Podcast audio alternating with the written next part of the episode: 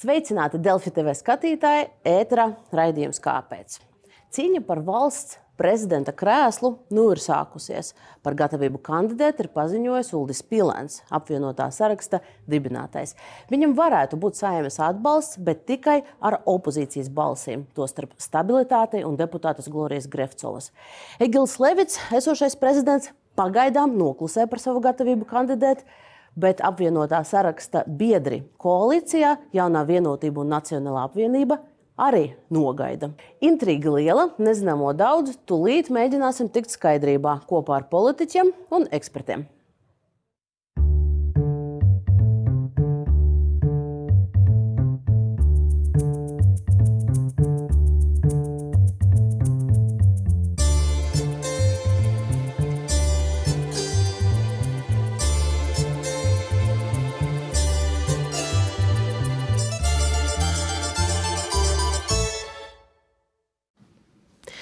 Un studija ir gan koalīcijas partiju pārstāvji, gan arī politikas pētnieces. Es stādīšu priekšā viesus no politikas analizētāja flanga. Šodien klāt ir Lelde Metla Rozentāle, Rīgas Stradiņa Universitātes politikas zinātnes katedras docētāja. Sveiki! Labdien! Un Nevieta Kažoka, providus vadošā pētniece un direktore. Labdien. Klāt arī ir saimas frakciju vadība, jo galu galā tieši saimas politiķi, deputāti vēlēs valsts prezidentus, neskatoties uz to, kas iepriekš tiks runāts vai netiks runāts varas kuluāros. Stādīšu priekšā politiķus Ainārs Latkovskis, jaunā vienotība saimas frakcijas priekšsēdētājs. Sveiki!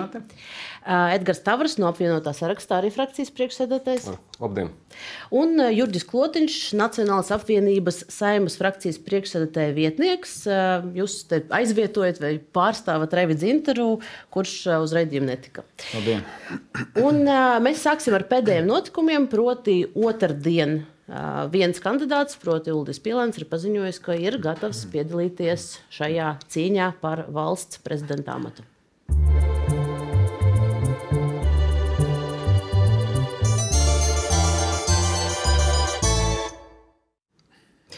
Un pirmo jautājumu es iesākšu ar citātu no vakardienas intervijas, ko šajā studijā sarunā ar manu kolēģi Alinu Lastovsku teica Krišānis Kariņš, ministru prezidents, par to, kādā veidā apvienotais saraksts nāca klājā ar savu kandidātu. Tas man tāds pārsteigums, politiskais pārsteigums ir tajā dienā, ka publiski paziņoja Pielēna kungs, ka viņš būs kandidāts un kā apvienotā saraksta deputāti viņu atbalsta mums tajā dienā bija koalīcijas sapulce, kur mēs runājam nu, visas ikdienas jautājumus. Un kā vienmēr beigās es prasu, no vēl kas ir, nekas tāds nav. Un tas savdabīgais ir, ka partneri nevis nu, gribēja informēt otras divas partneris, ka viņš tā rīkosies un varbūt dzirdēt pirmās atsauksmes, bet šobrīd notiek tāda bez konsultāciju fāze. Nu, tad jautājums pirmais Tavara kungam. Kādēļ tad šādā veidā, vai jūs varat atspēkot teikto? Es pats sēdēju pretim Kariņkungam tajā dienā. Mēs tiešām bijām koalīcijas, koalīcijas sēde. Mēs pārnājām visus koalīcijas pieteiktos darba kārtības jautājumus. Bet, ja mēs runājam par valsts prezidentu, tad es esmu vairāk kārtīgi jau pirms vairākiem gadiem minējis, ka valsts prezidents nevar būt tikai un vienīgi koalīcijas sargs vai koalīcijas virzīts vai koalīcijas aizstāvis. Valsts prezidentam ir jābūt visas valsts aizstāvim, kurš rūpējas par tautas kopējo labklājību, ekonomiku, drošību, iekšējo, ārējo. Galu galā valsts prezidents ir armijas virspavēlnieks. Un, kā mēs iepriekš cits starp šeit pat studijā esam runājuši, kad šis ir laiks tiešām, ka mēs nevaram ilgi turēt šos kaķus maisā. Kad ir jānāk ar, ar savu piedāvājumu, apvienoties sarakstu to un tā mums sakart, ka mēs tajā pēcpusdienā arī Pielāna kungs publiski arī atklāja šo savu pozīciju. Bet izrunāt ar partneriem, pateikt, kaut gan tur bija dažas stundas starpā, tad Ko tas mums būtu bijis mainījis tajā konkrētajā brīdī, kad mēs nāktu proaktīvi?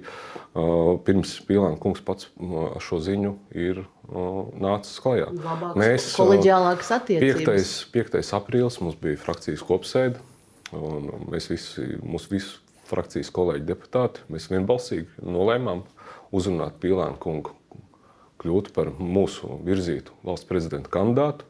Un Pīlāna kungs teica, ka viņš pēc brīvdienām, pēc lieldienām um, sniegs mums atbildi. Viņš tiešām sniedza uh, tajā dienā mums atbildi. Faktiski arī bija Latvijas intervija, kur viņš arī šiem jūs, jūsu kolēģiem arī publiski par šo pastāstīja. Un skriet man proaktīvi, pirms Pīlāna kungs pats ar, ar šādu informāciju nācis publiski, nākt ar karogu un, un ziņot. Uh, Nu, man tas nešķiet pareizi. Vai tur daļa neusticības ir? Jo iespējams jūs ne, nu, vienkārši neticējāt, nē. ka partneri neizplatīs nu, tas, paši nu, sev vēlamā veidā. Nē, mums nav kaut kādas neusticības attiecībā par prezidenta institūciju. Mēs par prezidenta institūciju stādot, strādājot pie Krišņāna Kariņa, Krišņāna Kariņa valdības, mēs par prezidentu, es domāju, kolēģi apliecinās par to, kurš virza vai nevirza, vai kam pienāks vai nepienāks. Mums nav bijis neviens vārds, nedz sastādot um, Krišņāna Kariņa šo valdību, kabinetu, gan strādājot pie deklarācijas nevienā brīdī. Ir bijušas atsevišķas mazāk formālas uh, sarunas, kāds par līdzsvaru ir runājis. Vai, vai tam līdzīgi, bet uh, tas nav jautājums, kas būtu obligāti mūsu ieskatā jāskata primāri koalīcijā. Mums katram ir jātiek kā apvienotiem sarakstam, mēs esam izdarījuši savu darbiņu, mūsu saimnes frakcija. Tāpat arī partneriem no koalīcijas, jaunai vienotībai, Nacionālajai apvienībai ir jātiek ar savu pozīciju pilnīgi galā. Tad mēs sēžamies pie galda un runājam. Un, un, un pirmkārt, noteikti arī koalīcijas partneru vidū.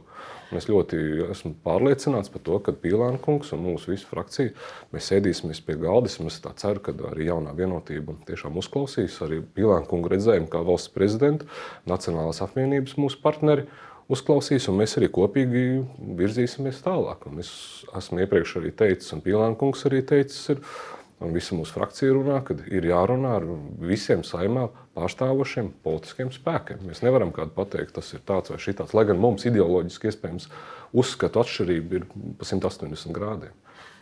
Es pēc brīža došu vārdu Latvijas kungam, bet viens precizējušs jautājums. Gan jūs, gan Pilēna kungs minat, ka apvienotā saraksta visi deputāti ir vērsušies ar lūgumu izvirzīt savu kandidatūru viņam. Un, jūs varat varbūt precizēt, tas tā bija vēstule, vai jūs tikāties kaut kādā veidā? Tas bija, tas bija frakcijas lēmums. Es pats, pats sas, sasaucu mūsu saimnes frakciju, mēs kolēģi deputāti Pilēna kungam klāt nesot. Iepriekš es informēju Pilānu, ka mums būs tāda saruna. Mēs izrunājām visus savus jautājumus, kā mēs to redzam. Labi pazīstot Pilānu kungu, tiešām labi pazīstot. Jo Pilāna kungs bija apvienotā saraksta premjerministra amata kandidāts, startējot vēlēšanām. Apvienotā saraksta faktiski idejas autors. Un mēs nolēmām to, ka mēs vienbalsīgi, tas bija frakcijas oficiāls lēmums, ka mēs uzrunājam Pilānu kungu kļūt par valsts prezidentu kandidātu gaidām no viņa atbildi. Un Pīlāna kungs apstiprināja, ka pēc lieldienām šo atbildi mēs saņemsim. Nu, tad viņš ir atbildējis, un uh, varbūt Latvijas kungam ir kaut kas uh, sava versija šiem notikumiem. Premjerministrs jau minēja par savu izdarījumu, bet jāsaka tā, ka, protams, strādājot saimā un ikdienā plecu pie pleca, Tavara kungs arī bija man kolēģiāli informējis pēdējā saimnes sēdē, ka viņi cer, ka viņiem būs prezidenta kandidāts pēc svētkiem, neprecizējot, kurš un kurā dienā. Tā kā, tādā ziņā tas bija sagaidāms. Es domāju, tā varbūt. Uh, nerunāšana koalīcijas sanāksmē ir vienkārši daļa no zināmas taktikas. Ja ir nolemts virzīt savu prezidentu, tad noteikti arī ir izstrādāta taktika un runāts par to, kas ir tās prioritātes vai kā savādāk. Es, es to uztveru kā daļu no priekšvēlēšanu taktikas, kādu izmanto mūsu partneri. Tas nenozīmē, esmu teicis jau publiski, skaidrs, ka ar visiem, izņemot ar uh, atklātiem uh, prokremlisku uzskatu paudējiem prezidenta kandidātiem, mēs tiksimies frakcijā un, uh, un noteikti runāsim, jo um, iespējas, ka kāds no kandidātiem tikt ievēlēts, ir visiem, nu, tād, lai kuram būtu 5%, kuriem 51%. Bet ar visiem runāsim, visus iztaujāsim, jo ir jautājumi, kur ir jāuzdod un tos mēs arī uzdosim. Tas, ko arī vakar premjerministrs šajā studijā minēja, ir tāda sava veida nožēla, ka nav koalīcijai šis vienots kandidāts, uz kuru iepriekš publiski cerēja gan jaunā vienotība, gan Nacionāla apvienība.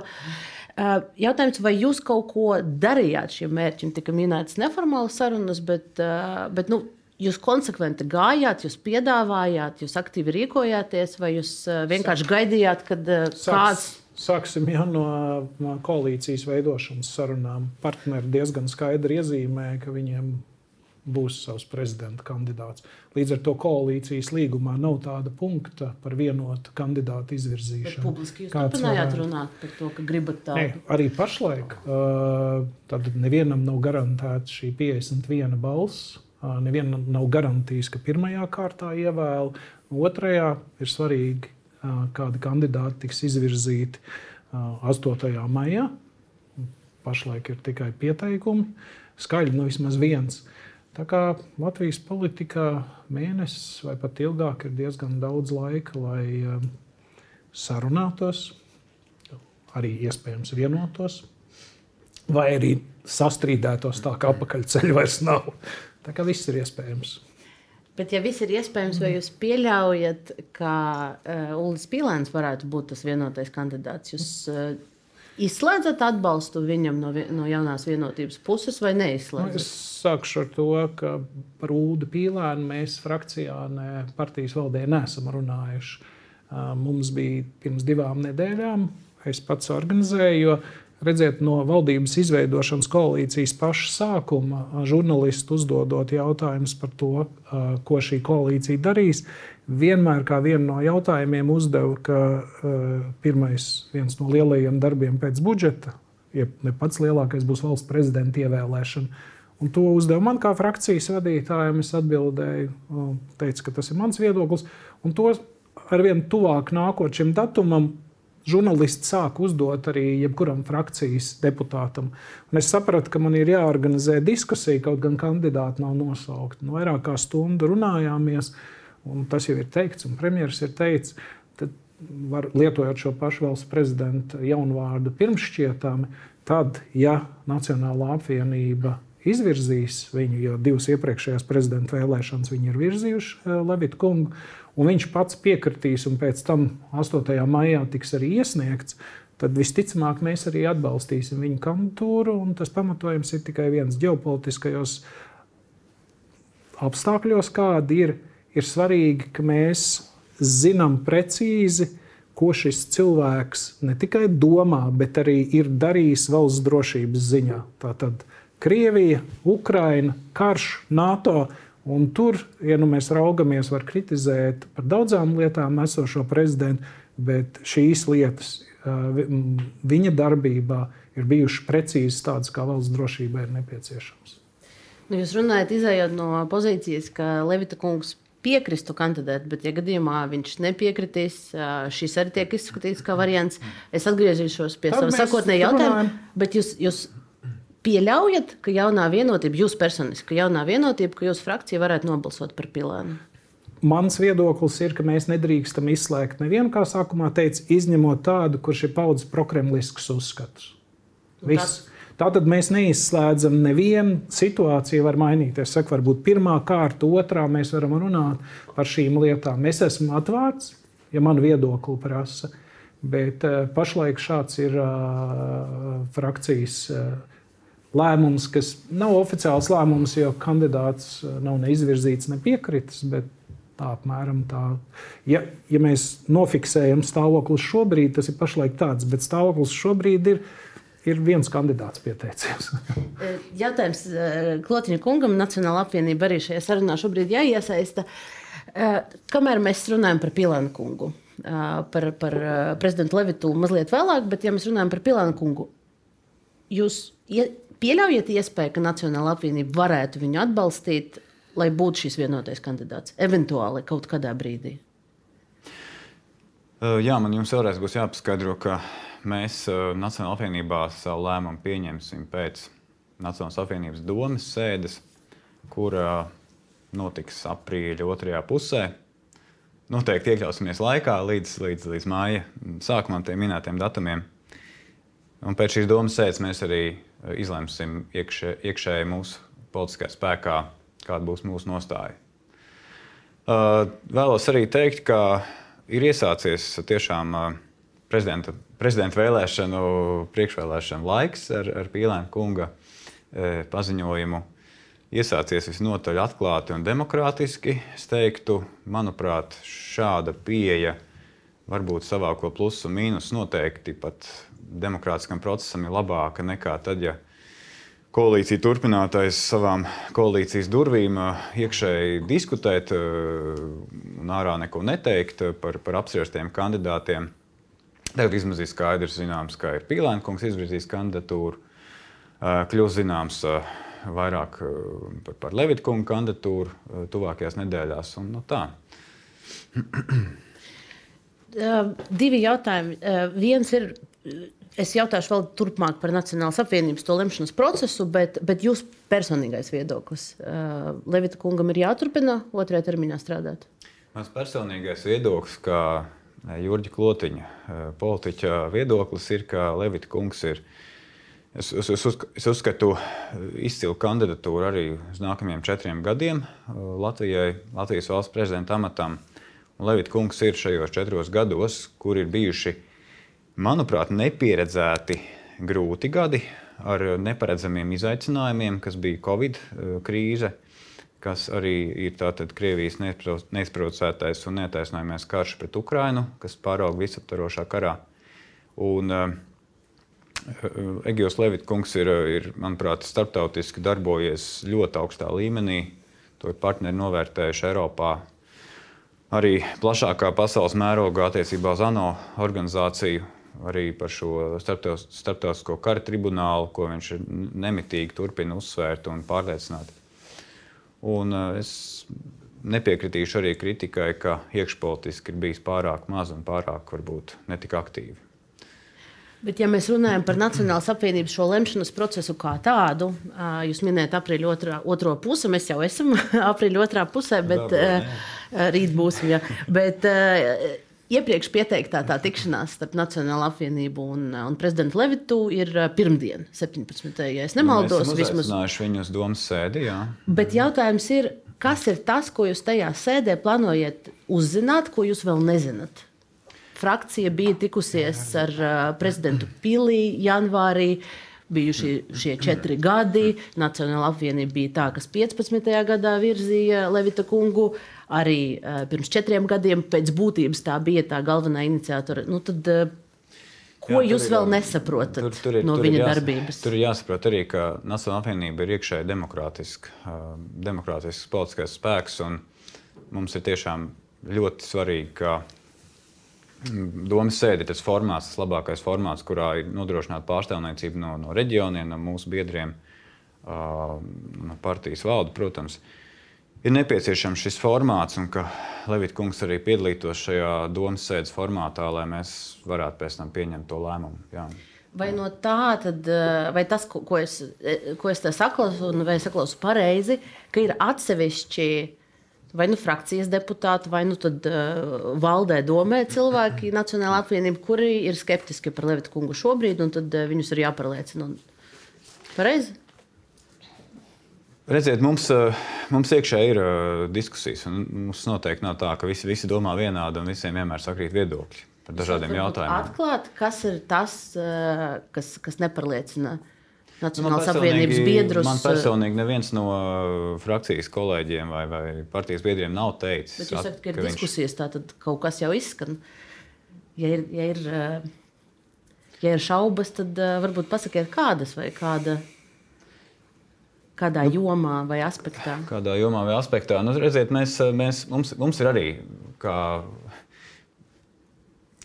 kā Nacionālajai apvienībai, kā viena, vienai no Latvijas uh, politiskiem spēkiem, Nacionālajai konservatīvai partijai mums ir arī e, savas prioritātes un uh, savs redzējums. Mums ir svarīgi, lai, lai mēs no valsts prezidenta arī saklausām izpratni par tām.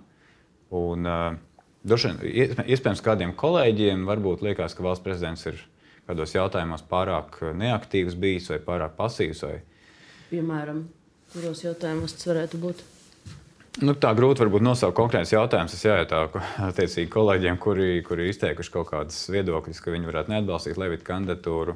Viņi paši arī spētu vislabāk uz to atbildēt, komentēt. Nu, mums katrā ziņā ir svarīgi tas, lai valsts prezidents atbalstītu to, kas ir rakstīts Latvijas satversmē, ka Latvija ir dibināta ar mērķi nodrošināt latviešu valodas, kultūras, nācijas pastāvēšanu cauri gadsimtiem. Un, Tā ir prioritāšu prioritāte, un no tās arī tālāk izriet gan viss, kas saistīts ar tautsēmniecības politiku, gan ārpolitiku, drošības politiku, gan demogrāfijas politiku. Jūs un minējāt, arī tas, kas saistīts ar emigrāciju un imigrācijām. Jūs minējāt, ka ir daļa kolēģi, kuri ir pauduši, ka viņi varētu Levita kungu neatbalstīt. Jūs varat pateikt, cik viņi ir frakcijā? No, es jums šobrīd nevaru no 13 deputātiem. Es, ne, es, jau, es jau teicu, tikko, ka neviens man nav par to teicis, ka plāno neatbalstīt. Es nezinu, kā, kā, kā mēdījos. Uh, Kā, kā jums ir šis šķitums radies? Bet, nu, Jūs tā teicāt. Bet, Nē, es teicu, ka man neviens nav informējis par to, kāds plāno neatbalstīt. Labi, to tad atstāsim, atstāsim turpmākajai interpretācijai. Šajā brīdī vārds ekspertiem, kas ir tas, ko jūs saklausījāt, kas te tika pateikts, un iespējams jūs varat nosaukt īstajos vārdos tas, kas te izskan. Ka caur puķiem un, eh, un tādā ne, Pavasars, politiķu valodā. Pavasaris puķis ziedēs vēl vairāk. Es varu sākt, varbūt es netik daudz komentēšu to, ko klātesošie politiķi ir pateikuši, cik uh, to, kas, uh, kas ir mainījies, um, varbūt izpratnē vai publiskajā telpā, um, Pielāna kungam piesakot savu kandidatūru. Un man šķiet, ka trīs lietas. Pirmā ir labi, ka ir mazāka nenoteiktība. Nu, ir vismaz viens kandidāts, kurš šobrīd mēdī visdažādākās formās izprašņā, un tas ir labi, jo nu, vēsturiski Latvijā ir bijusi, bijusi arī tāda situācija, topošos prezidentus mēs īstenībā vispār nav laika par viņiem neko uzzināt. Otra lieta ka, manuprāt, ar šādu savu pieteikumu viņš no uh, reālas iespējas ir atņēmis Levita kungam, esošajam prezidentam, ka ir nu, skaidrs, ka pie šādā, tad, ja ir Levits pret pīlēnu, tad uh, Levitam vienkārši nav tās 51 balss. Un, uh, un vienkārši neredzu vairs viņam iespējas atkārtot kļūt par prezidentu. Tas nenozīmē, ka Pīlēns automātiski kļūs par nāk, nu, nākamo Latvijas prezidentu, bet Levits gandrīz noteikti nebūs Latvijas prezidents. Un trešā lieta, protams, ka tas ir parādījis arī. Uh, nu, varbūt politikas ekspertiem redzamas, bet plašākai sabiedrībai neredzamas, uh, neredzamu dinamiku valdībā. Uh, kas varbūt no malas skatoties uz lēmumu pieņemšanu, šķiet diezgan iekšēji saliedēta, bet patiesībā tur ir ļoti dažādas traumas, kas nes to valdību uz nu, dažādos virzienos. Un šis jautājums par to, kas ir nākamais prezidents, lielā mērā ir arī jautājums par to, kā turpmāk funkcionēs mūsu valdība. Mhm. Jā, es varbūt arī tādas pārdomas, kas man klausoties radās. Pirmais bija par to draudzīgumu. Mēs šeit visi tādi ļoti draudzīgi un vispār pēdējās dienas visi ļoti draudzīgi. Bet patiesībā jau mēs arī redzam no visiem tiem procesiem, kas ir notikuši, to, nu, to iekšējo spriedzi, kas eh, visu laiku pastāv un tās nu, nesamierinām tomēr atšķirīgos skatus. Lai gan Kariņkungs ir teicis, ka viņš arī turpinās jebkad strādāt un vienmēr būs draudzīgs ar Pīlēnkungu, un Pīlēnkungs saka, ka viņš būs draudzīgs vienmēr ar Kariņkungu. Um, liekas, ka par to varētu šaubīties, un ka šobrīd ir tāda zināmā mērā spēku samēra spēle, tad kurā pusē tā bumbiņa nonāks. Um, es domāju, ka šis pīlēna kunga izvirzīšana ir rādījusi jautājumu, eh, Kāpēc Levita kungs? Eh, jo aizvien vairāk rodas tas, um, ka mums vajag tos argumentus, ko eh, Pīlēna kungs nevarētu izdarīt no tā, ko ir izdarījis eh, vai plāno darīt Levita kungs. Jo, ja mums ir viens Levita kungs vai mums ir teiksim, kāds cits vājš kandidāts, tad mēs varam teikt, ka jā, tur ir savi riski. Redzot Pīlēna kungu, tas vēl vairāk aktualizējas. Un Trešais, ko es varbūt meklējot šo atbildi, ko vienotība minēja, ka Levita kungā viņi saskata tādu mm, drošības garantu un to kursa turētāju, drošības kursa.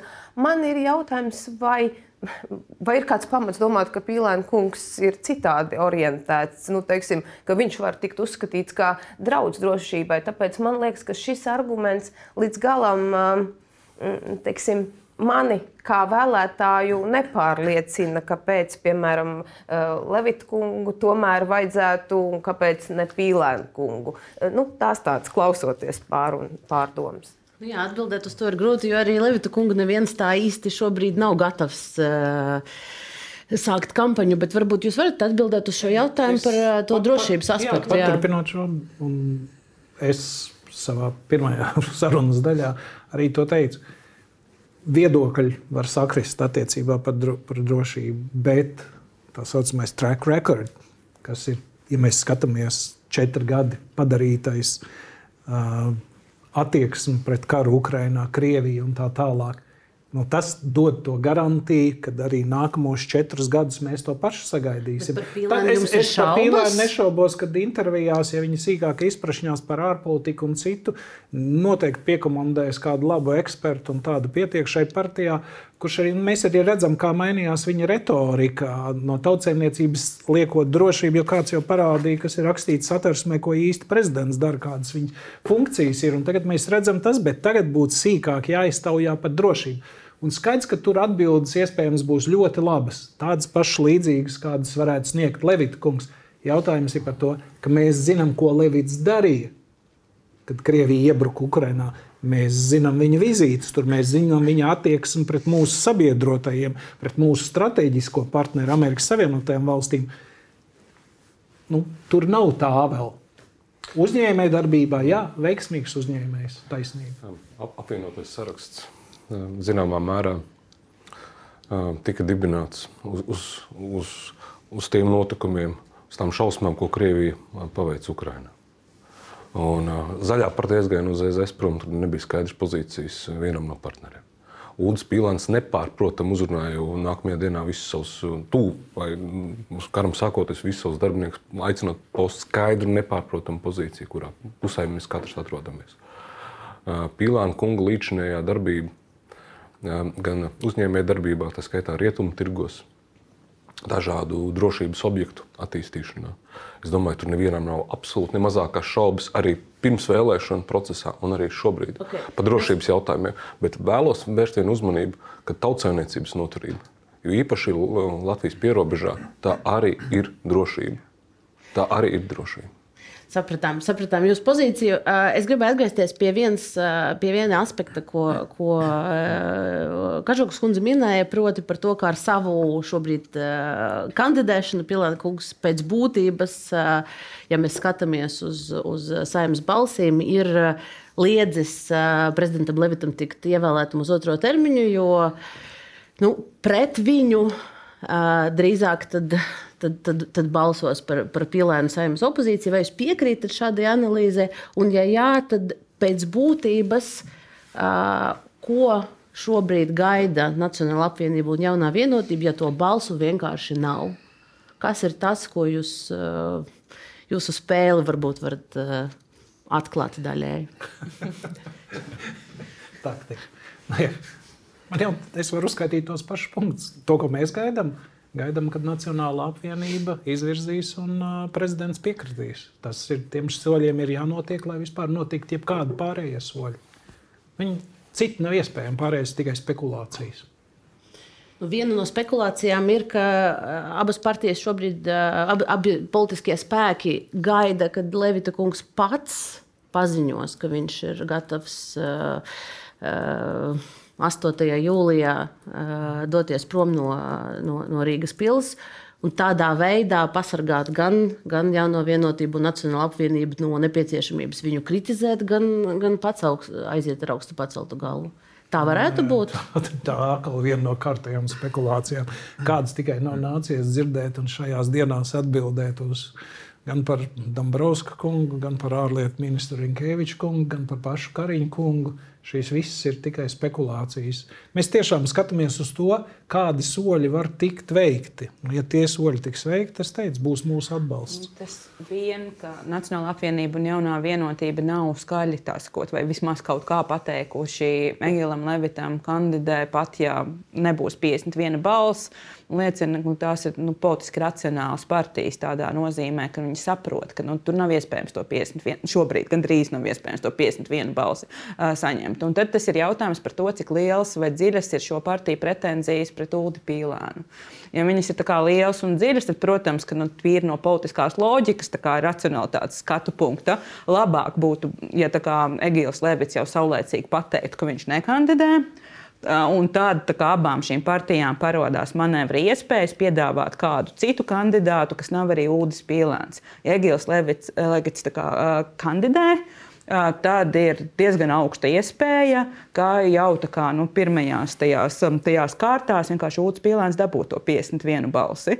Tāpēc, ja mēs analizējam tīri politiskās loģikas kategorijās, es teiktu, ka tas vien, ka Nacionāla apvienība un jaunā vienotība kavējas publiski pateikt, nu, teksim, ka viņas vēlās, lai Egils Levits piesaka savu kandidatūru, jau apliecina to, ka, protams, ka partija šo aritmētiku saprot. Paskatīsimies uz vēsturi. Pēdējie trīs prezidenti.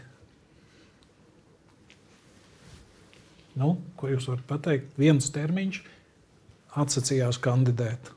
Pirms tam bija divi prezidenti, kas bija divus termiņus, un bija jau tāds priekšstats, ka uz priekšu arī tādā pašā veidā ies.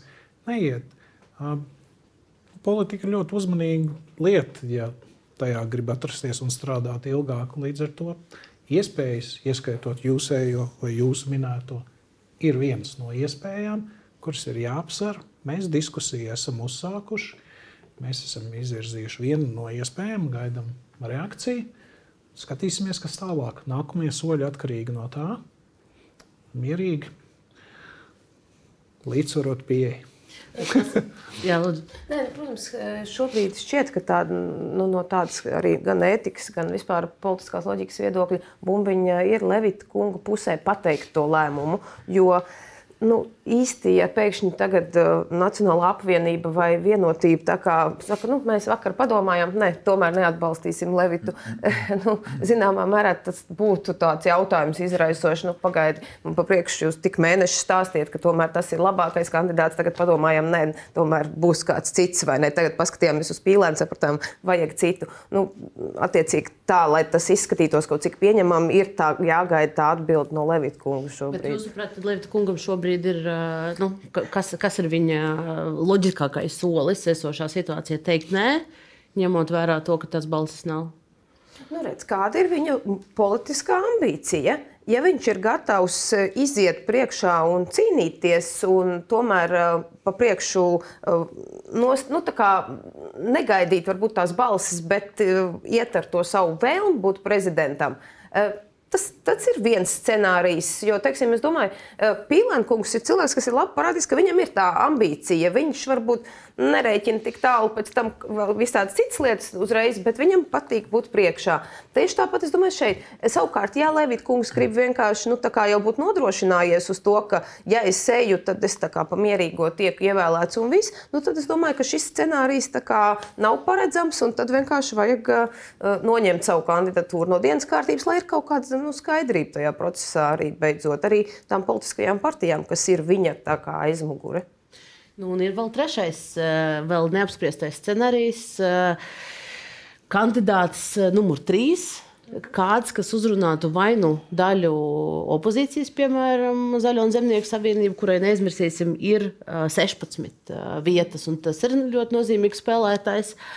Vai nu tad spēs pārliecināt, pieņemsim, apvienoto sarakstu arī kaut vai otrajā balsošanas raundā. Uh, atteikties no Pīlāna kunga. Jautājums ir, vai šāds cilvēks ir un vai partijas to šobrīd meklē? Nu, tas ir atkarīgs no dažādiem apstākļiem. Viens no tiem ir, ko var skaidri redzēt no mūsu kolēģiem Saimā ZZS, kas skaļi nepaziņo atbalstu Pīlāna kungam, vai otra taktika, ko izmanto Šleserkungs, skaļi paziņojot un arī pasakot, kas ir tā cena. Nu, visticamāk, ZZS, kuriem ir šīs 16 balsis, tagad arī mēģina noskaidrot, vai tas, ko viņi vēlās, dodot viņam balsis vienam vai otram kandidātam, piepildīsies. Nu, tas, ko viņa vēlās, ir diezgan skaidrs. Ja otrā saima, kad ZZS atrodas opozīcijā, kas ir īpaši viņa reģionālajiem pārstāvjiem, nav pieņemams. Līdz ar to tur pašlaik tiek sarunas. Es negribu notrivializēt visu, no kā sociālos tīklos, tirgošanās vai kaut ko. Tas ir normāls politiskais process. Ainārs Lesers skaidri pateica, balsis cita koalīcija. Un visticamāk, tas, ko viņš grib, protams, strādāt šajā koalīcijā. Tas jau, protams, jāizvērtē. Un tad ir jautājums, vai tagad, kā pasakot, ka viņas ir, viņi viņas tiešām dos, nesaņemot pretī solījumu, vai tomēr nedos un iespējams meklēs trešo, vai pavarās iespēja tam pašam Levitam. Es nezinu, kā, kā bet uh, viss var notikt. Mazliet atļaušos pakomentēt. Mm -hmm. Vēsturiski mēs redzam, mums valdība nekad nav kritusi uz prezidenta vēlēšanām. Nav bijis tādu gadījumu. Un objektīvu ap apsvērumu pēc, kāpēc šī būtu pirmā reize, tādu reālu argumentu nav. Es varu pateikt, man ļoti viegli strādāt gan Latvijas kungu, gan ar Zintaru kungu saimā. Mums, nu, mums nav bijušas kādas domstarpības. Mēs ļoti korekti pārunājam visu iepriekš un visu arī notiek. Un budžets, domāju, ļoti skaidri to parādīja. Neraugoties uz tām ļoti saspringtajām sarunām vēl dienu iepriekš, man personīgi, gan ar Kariņu kungu, gan finanšu ministru, mēs, mēs vienojāmies un mēs korekti arī tos soļus arī veicam. Attiecībā par valsts prezidentu sagaidām mūsu partneru viedokli, sākam sarunas tajā brīdī. Ko līdz Nacionālajā apvienībā, jaunā vienotība skaidri signalizē, mēs esam gatavi ar jums sarunāties. Mēs paši arī būsim gatavi proaktīvi nākt šādu priekšlikumu. Sēžamies pie galda, runājam. Mūsu kandidāts, ko mēs solījām pirms vēlēšanām, mēs arī varam, mēs esam publiski pateikuši, ka pat vārdu uzvārdu nosaukuši, kurš tas būs, lai pēc iespējas ātrāk sākās šī kvalitatīvā debata. Lai nav pēdējais brīdis no kaķa maisā, mēs no kādas cepures izņemam kādu zaķīti un, un, un, un, un vienojamies ātrāk, ātrāk otrajā kārtā. Ne, ne debatas, ne kvalitāte tikai tāpēc, lai nosargātu koalīciju. Mums ir jāpadomā, šis ir laiks, kad dzelzs priekškars līdz ar austrumu robežas aizvēršanos burtiski cieta. Un šī ekonomiskā transformācija, par ko mēs runājam, arī valdības Krišņa Kariņa deklarācijā, viņa ir realitāte jāievieš dzīvē. Un ir jābūt arī valsts prezidentam, kurš var uzdot konkrēti jautājumu, ko jūs domājat ar vārdiem ekonomikas transformācija un kādi ir šie soļi precīzi, kas viņu spēs arī transformēt, lai mūsu IKP augtu un budžeta ieņēmumi augtu. Bet teorētiski es saprotu, ka uzdodot šo jautājumu, es, man ir maz cerības saņemt atbildi, bet, bet es mēģināšu tomēr teorētisku iespēju vienoties par kādu trešo kandidātu jūs pieļaujat? Es teorētiski varu pieļaut ļoti daudz dažādas kombinācijas šobrīd. Es nevaru izslēgt, nevaru nevar izslēgt, izslēgt. Neviens, ne no mūsu frakcijas, ne no kādas citas frakcijas nevar izslēgt kādus citus, citus scenārijus. Mēs aicinām liekat labākos kandidātus galdā, objektīvi labākos. Vai viņi tur, piemēram, Roberts Zīle, mēs tā ļoti piemēram saucam, vai Valdis Dombrovskis, Sūdzes Pīlāns. Nu, sēžamies pie galda runājam, kam ir labāks redzējums tautsēniecības, iekšpolitikas, ārpolitikas, daudzos citos jautājumos. Nu, mēs esam izvirzījuši savu kandidātu, mēs esam gatavi visu frakciju par šo cilvēku atdot savus balsis. Uh, runājam, kādas, vai uzliksiet spēcīgāku kandidātu, sēžamies, runājam. Tur, Tas ir viss valsts interesēs. Mēs palasītu, Lankaus kungam ir um, satversmes un kārtības rules līdzi. Tur ir rakstīts arī, ja nekļūdos, valsts prezidents zvērsts. Un, ja mēs viņu palasītu, viņš, um, kas ir viņa zvērstā, uh, saistībā ar to, ka viņa viss darbs tiek veltīts arī tautas labklājības veicināšanai. Vārds tautas labklājība, ko viņš reāli zvērst. Es gribētu mazliet atgriezties eh, pie tā, ar ko jūs sākāt savu, uh, savu uh, runu, pie valdības stabilitātes. Jo jūs runājat par to, cik labi šī komunikācija starp koalīcijas partneriem notiek saimā, mm. bet, ja mēs paraugamies uz to, kas izskan no valdības mājas, tad mēs varam noklausīties arī vakardienas Krišņā Karina teikto šajā studijā. Tur gan izskan daudz vairāk kritikas par to, kā izskatās šīs koalīcijas darbs šobrīd. Mums šī koalīcija tā ironiski. Pēdējā saimā, eh, kur mums bija daudz nepieredzējušu politiķu un nepieredzējušu politisko spēku, mūsu koalīcija darbojās pavisam citādi kā šī. Šī, manuprāt, daudz grūtāka koalīcija. Mums ir no sāktā gala diezgan lielas domstarpības, kuras mēs cenšamies pārvarēt. Iepriekšējā eh, valdībā Eh, kapitālais reformas, sakārtot finanšu sistēmu, administratīva teritoriālā reforma. Visi bija viensprāts, ka šis ir jādara. Visi kā viens strādāja, saimā pieņēma eh, lēmumus, likumus un tika izdarīts. Šajā valdības koalīcijā mums ir no paša sākuma neatrisinātas domstarpības. Nu, tad, maz, maz komentāru. Jā, lūdzu. Manuprāt, Kariņš kungs ļoti lieliski iezīmē to, ka pie viņa iespējams, viņa valdībā iespējams ir veikt reformas. Iezīmē iepriekšējā sasaukumā administratīva teritoriāla reforma. Gribēja veikt pārzīmēt, flomasteru kārtu pārzīmēja, daudz lietas izdarīja. Bet, ja runa, ko apvienotais saraksts aicina un arī turpinās aicināt uz kvalitāti. Un Bet uh, runa, vienkārši runa darbus veikt, šajā... darba veikšanas pēc mēs iebilstam. Es, ja mēs solidāri pār... uzņemamies līdzatbildību, tad mēs uzņemamies gan apvienoties, gan par izglītību, gan par valsts ieņemumu dienas darbu, gan par, un aicinam arī mūsu partnerus būt solidāri līdzatbildīgiem arī par tām jomām, kas uzticētas mums. Sapratām, bet es, es gan uh, gribu precizēt, ka tur uh, Karņa kungs runāja ne tikai par apvienoto sarakstu, bet uh, lielākoties tur tā kritika bija vērsta Nacionālās apvienības virzienā, gan, gan pie gan, gan strādājot pie valdības, valdības darbu saraksta, pie, pie koalīcijas plāna, gan, gan pie tā, viņš minēja kaut kādu bremzēšanu valdības koalīcijas darbam. Kā, nu, tur, kas, kas jums notiek? Ne, grūti, grūti komentēt. Bet, manuprāt, Kariņš kungs ir ļoti pieredzējis politiķis Latvijā, Latvijas politikā. Viņam vajadzētu, es, es ticu, ka viņš arī to saprot, ka nu, būtu diezgan utopiski iedomāties, ka būs kāda koalīcija, kurā nebūs domstarpību. Ir svarīgi, Jā, lai kardinālajos starp... jautājumos šīs domstarpības nebūtu, kas ir valsts aizsardzībā, kas ir veselības aprūpas sakārtošana.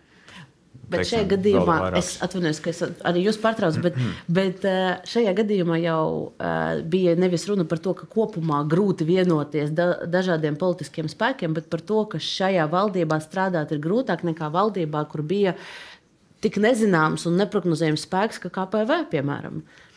Nu, šis nav kompliments. Es, es nezinu, es iepriekšējā valdībā nestrādāju. Es teiktu, drusku citādāk, jo vienmēr ir vadīt vieglāk, teiksim, pakļaut savam virzienam to, kurš ir nepieredzējis. Tad tu vari viņam iedvest to kursu, kā tu to redzi. Tad, kad tev komandā ir līdzvērtīgi spēlētāji, nu, vai katrs ar savu to mugurkaulu, tad, protams, ka tev ir diezgan nu, lielāks izaicinājums eh, viņus apvienot kaut kādā vienotā kursā. Tā kā, nu, tur es domāju, ka drīzāk tā varētu. Salīdzinājums attiecībā uz iepriekšējo saimu un toreizējo koalīciju.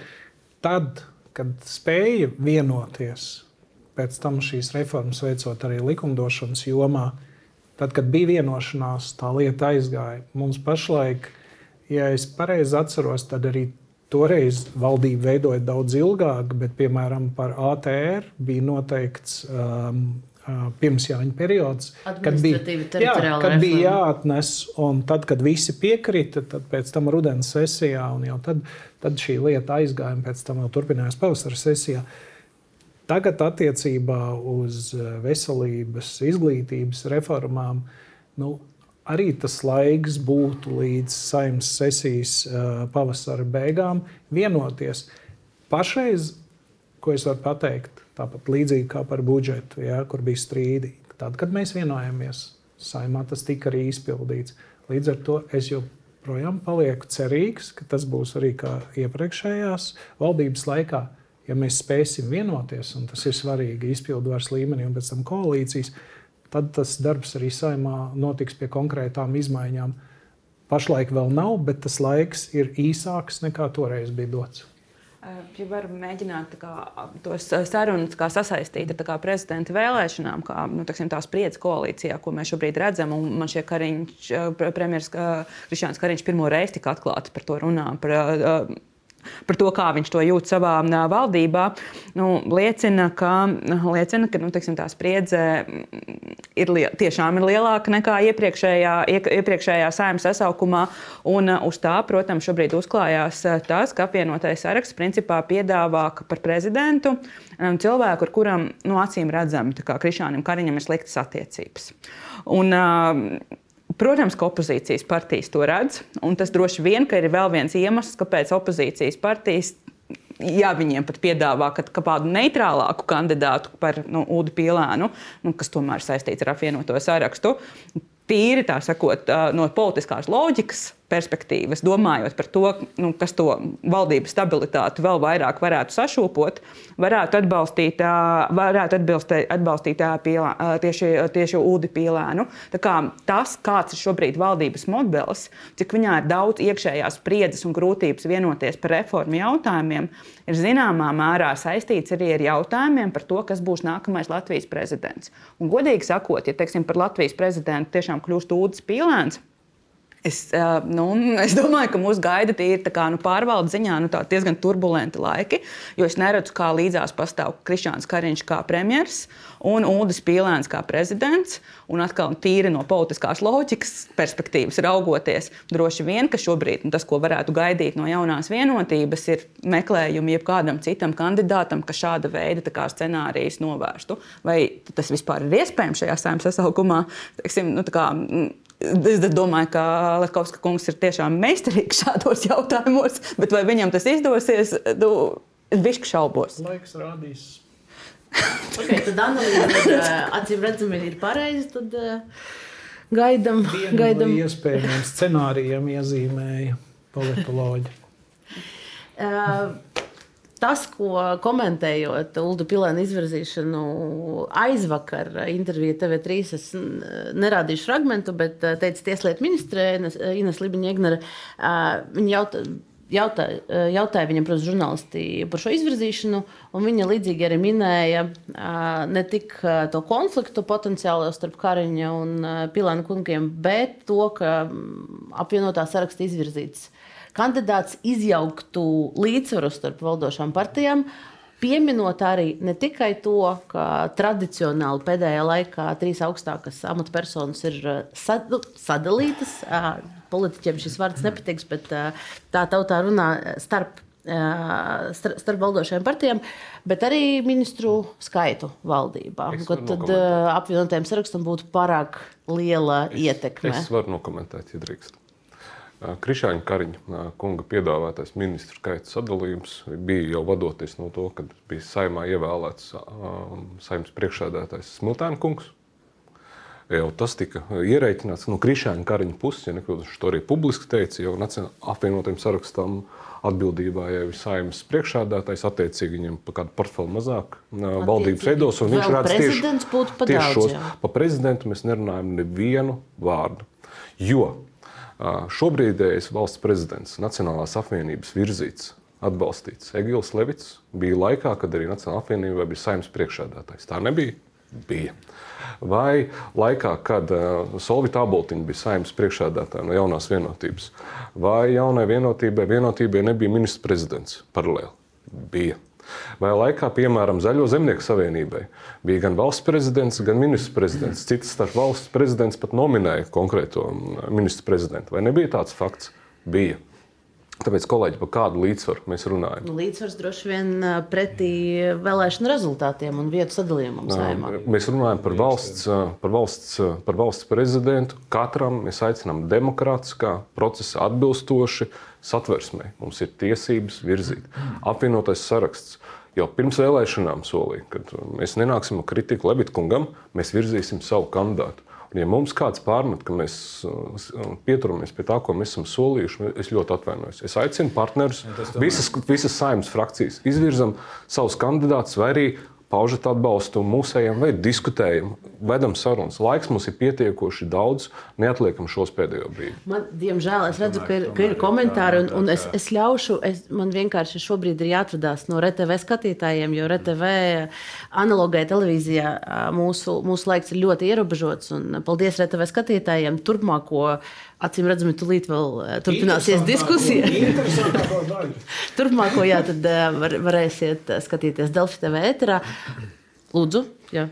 Jā, es vēlos arī piebilst, ko Tavārs kungs teica, ka, manuprāt, tomēr uz valsts prezidenta amatu te nebūtu vietā skatīties, ka tas ir kaut kā šajā ministru skaita vai saimnes priekšsēdētāja amata sadalījumā ietverts. Nu, manuprāt, ne, ne, nepareizi to ir ietvert tajā. Valsts prezidents ir valsts prezidents. Piekrīt.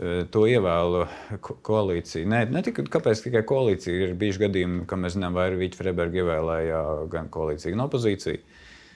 Nu, koalīcija var savā starpā vienoties par to, cik ministriju un kam, kurš tad uzņemsies saimnes priekšsēdētāju un kā prezidijs.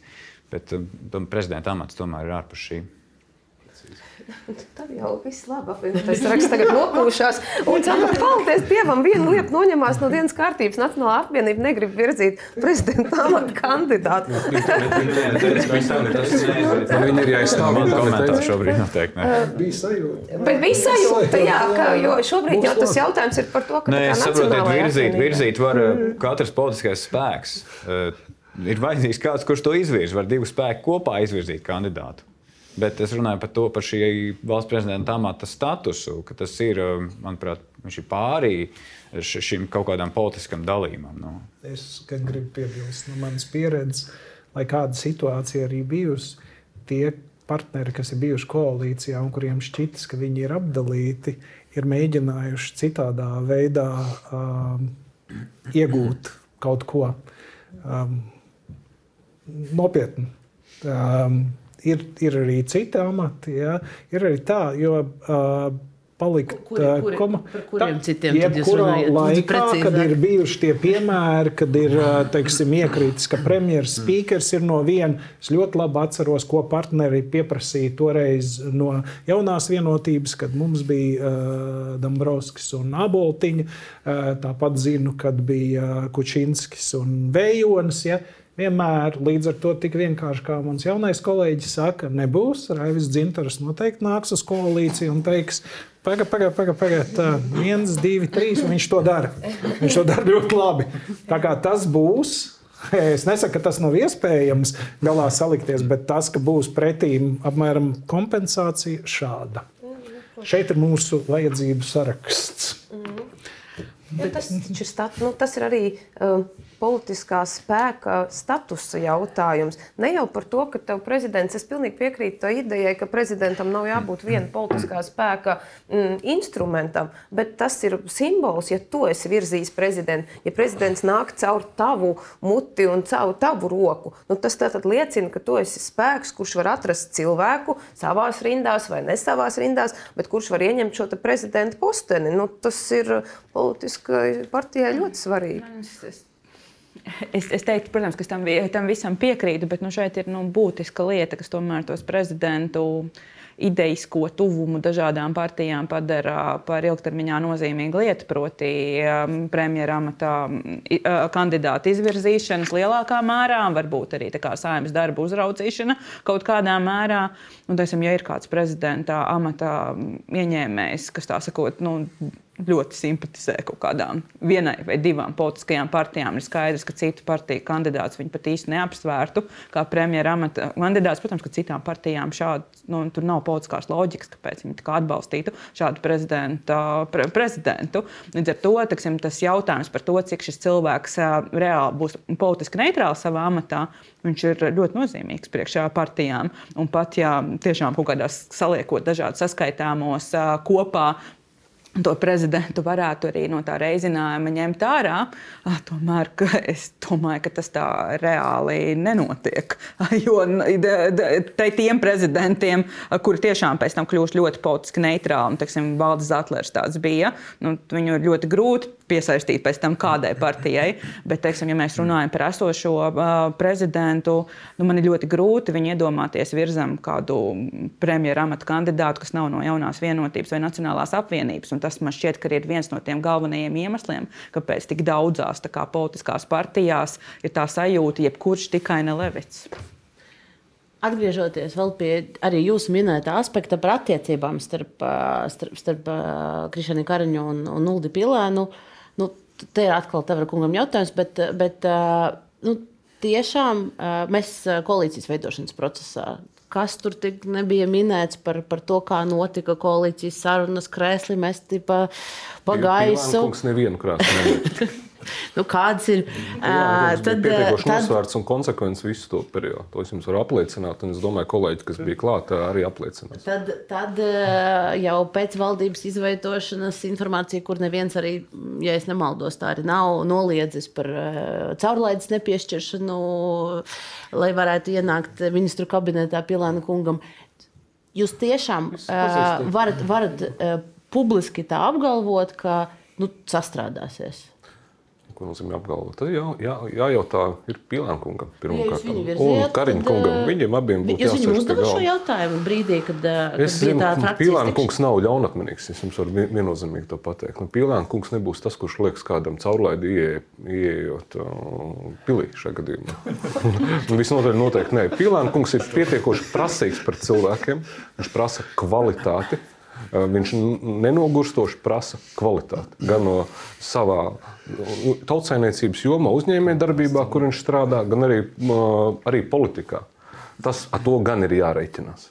Pīlāna kungs, kad uh, kolēģi apliecinās, ka bija valdības deklarācija, prasīja paskaidrojumu katram punktam un pamatojumu, ka, vai tas kaut ko dos un kā dos. Lūdzu. Un nebūs vienkārši Kariņkungam. Es jums varu ap, to diezgan droši pateikt. Tāpēc, ka Pīlānkungs prasīs kvalitāti. Nu, jūs jau un piesakāt, ka rezultātu. saspīlēts Es attiecības nesaku, ka tās saspīlētas attiecības. Tās nebūs relaksējošas attiecības, ka mēs sēžam Malibu pludmalē un dzer- dzeram kokteļus. Būs smagi jāstrādā. Tāpēc, ka mēs redzam šo finanšu sektorā, kas notiek. Mēs redzam šīs prognozes IKP ā, jomā. Mēs redzam, kā Lietuva un Igaunija spēja attīstīties. Mums būs ļoti smagi jāstrādā. Un būs prasības ministra prezidentam. Diezgan droši var pateikt. Par to, ka būs smagi jāstrādā. Bet tas, ka notiks kādas šādas lietas, par ko tu runā, koalīcija bruks, nebruks, uzreiz tiks atlaists ā, premjerministrs, manuprāt, tās ir vienas vienīgas spekulācijas. Mītu kliedēt pats esmu kādu mēnesi apakaļ ticies ar, uh, ar Pīlēnu kungu ministra kabinetā. Nu, tātad kaut kā viņš tika iekšā. Jā, tas bija Visticamāk, pirms budžeta, kad mums bija šīs sarunas. Tiešām bija šāda viena mūsu tikšanās, un Pilāna kungs tika iekšā. Tā kā nebija tā. Labi, šo, vismaz šo mēs esam, kā es pieteikumā teicu, noska, noskaidrojām kaut ko. Bet, eh, bet Latvijas kungs ļoti īsi varbūt, un tad es gribētu vēl pirms raidījuma beigām vienu vien vēl aspektu apspriest. Ļoti īsi tas, tas šīs tā savstarpējas attiecības. Nu, jūs redzat tur problēmu potenciālo? nu, uh, ja godīgi, nav sliktāk. Man pat liekas, uh, tāpēc, ka ir nevis piecas, bet trīs partijas. Man saimā, es vadīju arī frakciju, kaut gan trīs reizes mazāk iepriekšējā saimā, man strādāt ir kļuvis vieglāk. Man pretīm ir partneri, protams, viņiem ir prasības, viņi skaidri, ko zina, bet man ir vieglāk sarunāties, noskaidrot. Un, kā jau teicu, tad, kad mēs nolēmjam, tad tā lieta iet. Līdz lēmumiem reformu jomās, tās, kas sāp kariņam, mēs vēl valdības līmenī neesam nonākuši, un saimnes vēl izpaliek. Jo koalīcija saimā tas ir mazliet kas cits jāatzīst. Mums tiešām iet konsekventi, mēs ieklausāmies, argumentējam, panākam katru soli pretim, vai soli atpakaļ, lai atrastu kopsaucēju. Lai kopumā mēs ietu uz priekšu. interesanti bildi iezīmēs, bet, bet, bet redzēsim, kā, kā attīstīsies ļoti. Latvija ir parlamentāra valsts. Laikam būs jāpārņem. vēl. Koalīcijas sēdē būtu vienreiz jānotiek parlamentā, nevis uz ministru kabinetu jāpārceļ. Bet Tas Tas būtu prezidents ir tikai simbols. Nu, pēc esošām kaislībām uh, nozīmīgs simbols gan, bet, uh, bet vēl viens aspekts, ko es gribēju šajā, šajā raidījumā pacelt, ir diezgan daudz ir izskanējuši vārdi par to, kurš tad vēl varētu tikt virzīts uz uh, prezidenta amatu. Varbūt mēs īsi varam izskatīt, kas, kas ir šie cilvēki un ko domā eksperti, ko domā politiķi.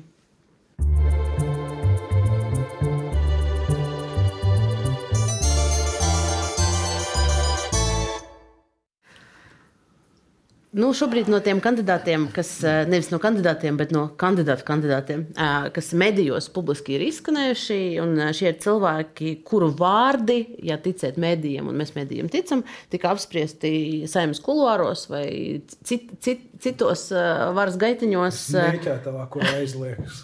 Jā. Uh, Baiba Braža, uh, NATO ģenerālsekretāra vietniece, Jānis Sārts no NATO strateģiskās komunikācijas izcilības centra direktors, Valds Dombrovskis, uh, Eiropas komisijas priekšsēdētājas uh, vietnieks. Atverts uh, panelis, lūdzu, ir komentāri, jā, nē, kurš noteikti nē, kurš iespējams jā, kas Vi- ir. Kas... Visi ir lieliski kandidāti. Es teiktu, tā, ka katrs no viņiem ir. Bražas kundze, katrs ir lielisks savā amatā šobrīd. Un, es personīgi neredzu, ka kādu no viņiem vajadzētu virzīt uz valsts prezidenta amatu. Un Man prātā vēl ir tas, ko Bražas kundze teica vienā rīta intervijā pirms, pirms kāda laika. Ka, nu, tu domā, ka Egils Levits viņas skatījumā ir lielisks prezidenta kandidāts. Jā. Es piekrītu, Tas gan neizslēdz. Nu, izņemot par Levitu kungu, pārējiem visam es piekrītu. Jāsaka, par Bražas kundzi, protams, mēs zinām, ka viņa ir izcils ā, ārlietu cilvēks. ā, ā, Jautājums ā, no vienas puses, tā, protams, nu, ja mēs skatāmies drošības kontekstā, varbūt arī ir tādā ziņā mūsu prioritāte, bet no otras puses viņa tiešām ir pilnīgs ārlietu cilvēks, un tas varētu būt arī tas risks, eh, ka mums vajag tomēr cilvēku, kas ir arī mūsu vietējā tautsēmniecībā un kas veido šo te, nu, vairāk eh, spēju sasaistīt un spēju paskatīties arī uz mūsu iekšējām lietām. Tur es varbūt tā kā zināmā mērā nu, redzētu tādā aspektā to mazo mīnusiņu visā. Nu, ja mēs runājam par uh, Dombrovska kungu, protams, mēs zinām viņa mm, premjerēšanas laiku un to, kā viņš mūs izved cauri visām krīzēm. Tāpat laikā mēs zinām, ka mm, viņš mm, cilvēkiem. Nu, tā sirdis neaizķēra, un viņi bija kritiski pret, pret sabiedrību. Ja mēs gribam prezidentu, kas uh, uzrunā cilvēkus, kas arī to sabiedrību iesaist politiskajos procesos, te varbūt ir kaut kāds risks, ka viņam, viņš ar tām cilvēku sirdīm galā netiks tik labi. Uh, Nu, par Sārta kungu es nezinu, vai tas ir vispār viņa mērķis un kā viņš še, līdz, līdz šim sarakstam nu, tiek pieminēts. Kaut kur jau tas, eh, nu, tas ir dzirdēts. Domāju, arī sabiedrība, to pašu, ko uzsver pētniece, sabiedrība jau arī ir sapratusi, ka šīs ģeopolitiskais laiks, tā situācija ir tāda, ka prasās pilnīgi pārliecība, ko cilvēks ne tikai tagad atbildēs intervijā, ka drošība ir svarīga, bet ko viņš ir darījis. Līdz ar to tie trīs kandidāti visi atbilst. Es nesaku, un tur ir zināmas problēmas. Nav tāda vienkārša situācija, kad Ambrovskis izņem no šī amata un Latvijai pienākās tieši tas pats. Tā nenotiek. Vienkārši tas amats tiek pārdalīts savādāk. Tā kā tādas spekulācijas arī ir grūti izpildīt. Mums tur, zinām, ekvilibristika ir jāpielieto, bet uh, visi trīs ir cienījami kandidāti. Nu, ja politiķiem trūkst iero, ierosmes, mm. varētu uzģenerēt 30, 50 cilvēku sarakstu, sakot, kuri katrs, manuprāt, būtu ļoti labi, kā, vai nu, vismaz ar potenciālu būt labi Latvijas, Latvijas prezidentiem. Bet, ja nopietni runā, nu, Šie kandidāti ir apspriežami, protams, nu, viņiem ir plusi un mīnusi, bet nu, plusu varbūt pat vairāk. Bet uh, tas īstais jautājums ir, vai kāds no viņiem ir tāds kandidāts, kuru stādot pretī Udim Pīlānam, nu, tās 51 balss, kas izskatās, ka varētu būt par Udi Pīlānu, nosvērtos kādā citā virzienā. Un šeit, godīgi sakot, es šaubos, bet vienlaikus nu, 51 balss tīri tā, loģistiski dabūt saimnu sēžu zālē un pār, ar pārliecību, ka tiešām tā 51 balss būs, ir ļoti sarežģīti. Tāpēc tajā brīdī, ja teiksim, pēc tās pirmās balsošanas, nu, visām tām raunda, ar visām tām kārtām izrādās, ka tās 51 balss nav, es domāju, ka nu, teiksim, tālākais tas kandidātu lokus ir maksimāli plašs. Tā skaitā šie trīs cilvēki. Nu, tad uh, sekosim līdzi. Noteikti ļoti interesants, uh, interesants sešas nedēļas, uh, ja es pareizi saskaitīju, mūs, mūs visus gaida. Uh, Ceram, ka no, no politiskiem spēkiem būs skaidrākas atbildes par plāniem un, uh, un skaidrākas kaut kādas uh, pozīcijas, uh, pozīcijas definēšana. Bet, nu, Pēdējais iespējams jautājums, ko es gribēju visiem uzdot, eh, nezinu, riņķī vai, vai brīvā secībā vai kādā citādi. Kā jums šķiet, cik ātri mēs tiksim? Vai, vai ir šobrīd prognozes, cik ātri mēs varētu tikt pie, pie prezidenta šo, šajā, šajā ciklā? Pirmajā, pirmajā dienā vienkārši pie, pie trešā, trešā balsojuma, vai būs div, divas vēlēšanu kārtas? Kādas ir likmes? Varam sadarīt. Vai nu uzreiz, vai mazliet ilgāk mazliet ilgāk ir. Jā, nevis uzreiz un pēc tam, bet, bet ne uzreiz, ne pēc tam, bet tad vēl mazliet, jo tomēr tām sarunām, kā jau teicu, tā pieredze man šajā koalīcijā ir tāda, jārunā, jādiskutē, jāpierāda, bet tad, kad nolemsim, tad izdarīsim. Es saku par pašu izteikšanu, par pašu balsojumu. Es domāju, ka 31. maija sēdes Būs. pirmā kārta, ja pēc vairākiem balsojumiem mēs nonāksim pie valsts prezidenta. Tas ir mans subjektīvais viedoklis. Es pieļauju dažādus scenārijus. Varbūt tā kā kolēģis saka, ka mēs jau 31. maijā ievēlēsim nākamo Latvijas valsts prezidentu, bet um, tikpat liela varbūtība, manuprāt, ir tā, ka tas prasīs ilgāku laiku Sevišķi tad, ja iespējams koalīcija nespēs vienoties par vienu kandidātu, un tur nesanāks. Nu, Mūsu nostāja Nacionālajā apvienībā vispār ir tāda, ka mums, prāt, labāk būtu, ja koalīcijai būtu viens kandidāts, mēs spētu, bet uh, tad mums būs uh, jāstāsta tālāk, un tad tas ilgs nedaudz. Paldies, ļoti īsi. Uh, Manuprāt, jā ir eh, Levits pret Pīlānu 31. maijā par prezidentu ar lielu varbūtību. Top nu, Pīlāns un Levitam nav iespējas. Vienkārši jautājums, vai ir tā 51 balss. Ja tā ir kaut kāda cita nu, kā, kā konkurences apstākļi ar citiem kandidātiem, tad tas varētu paņemt ilgu laiku. Jā, laikam, man atliek pievienoties. Eh, viss atkarīgs no vienas puses no Levita kunga lēmuma, no otras puses man gribētos, lai uh, prezidentu ievēl ne tikai opozīcija, bet uh, nu, lai mēs ne, nepadarām viņu par instrumentu opozīcijas rokās šobrīd kā tādu manipulācijas rīku, lai mēs spējam arī uh, ar, drīzāk ar koalīcijas balsīm un koalīcijai kontrolējot šo procesu nonākt līdz prezidentam. Nu, ar, šo, ar šiem, šiem vārdiem mēs arī noslēgsim šo raidījumu. Paldies viesiem par dalību. Noteikti šādā vai citā formātā mēs tiksimies vēl eh, pirms prezidenta vēlēšanām. Paldies skatītājiem! Uh, un atgādināšu, ka kāpēc raidījumu var noklausīties arī podkastos, ierakstā, Spotify un Apple platformās, bet Delfi TV savu ēteru turpinās pirmdien. Spriedeli ar Delfi raidījumā kolēģi runās par uzturēšanas atļauju piešķiršanu um, Krievijas pilsoņiem.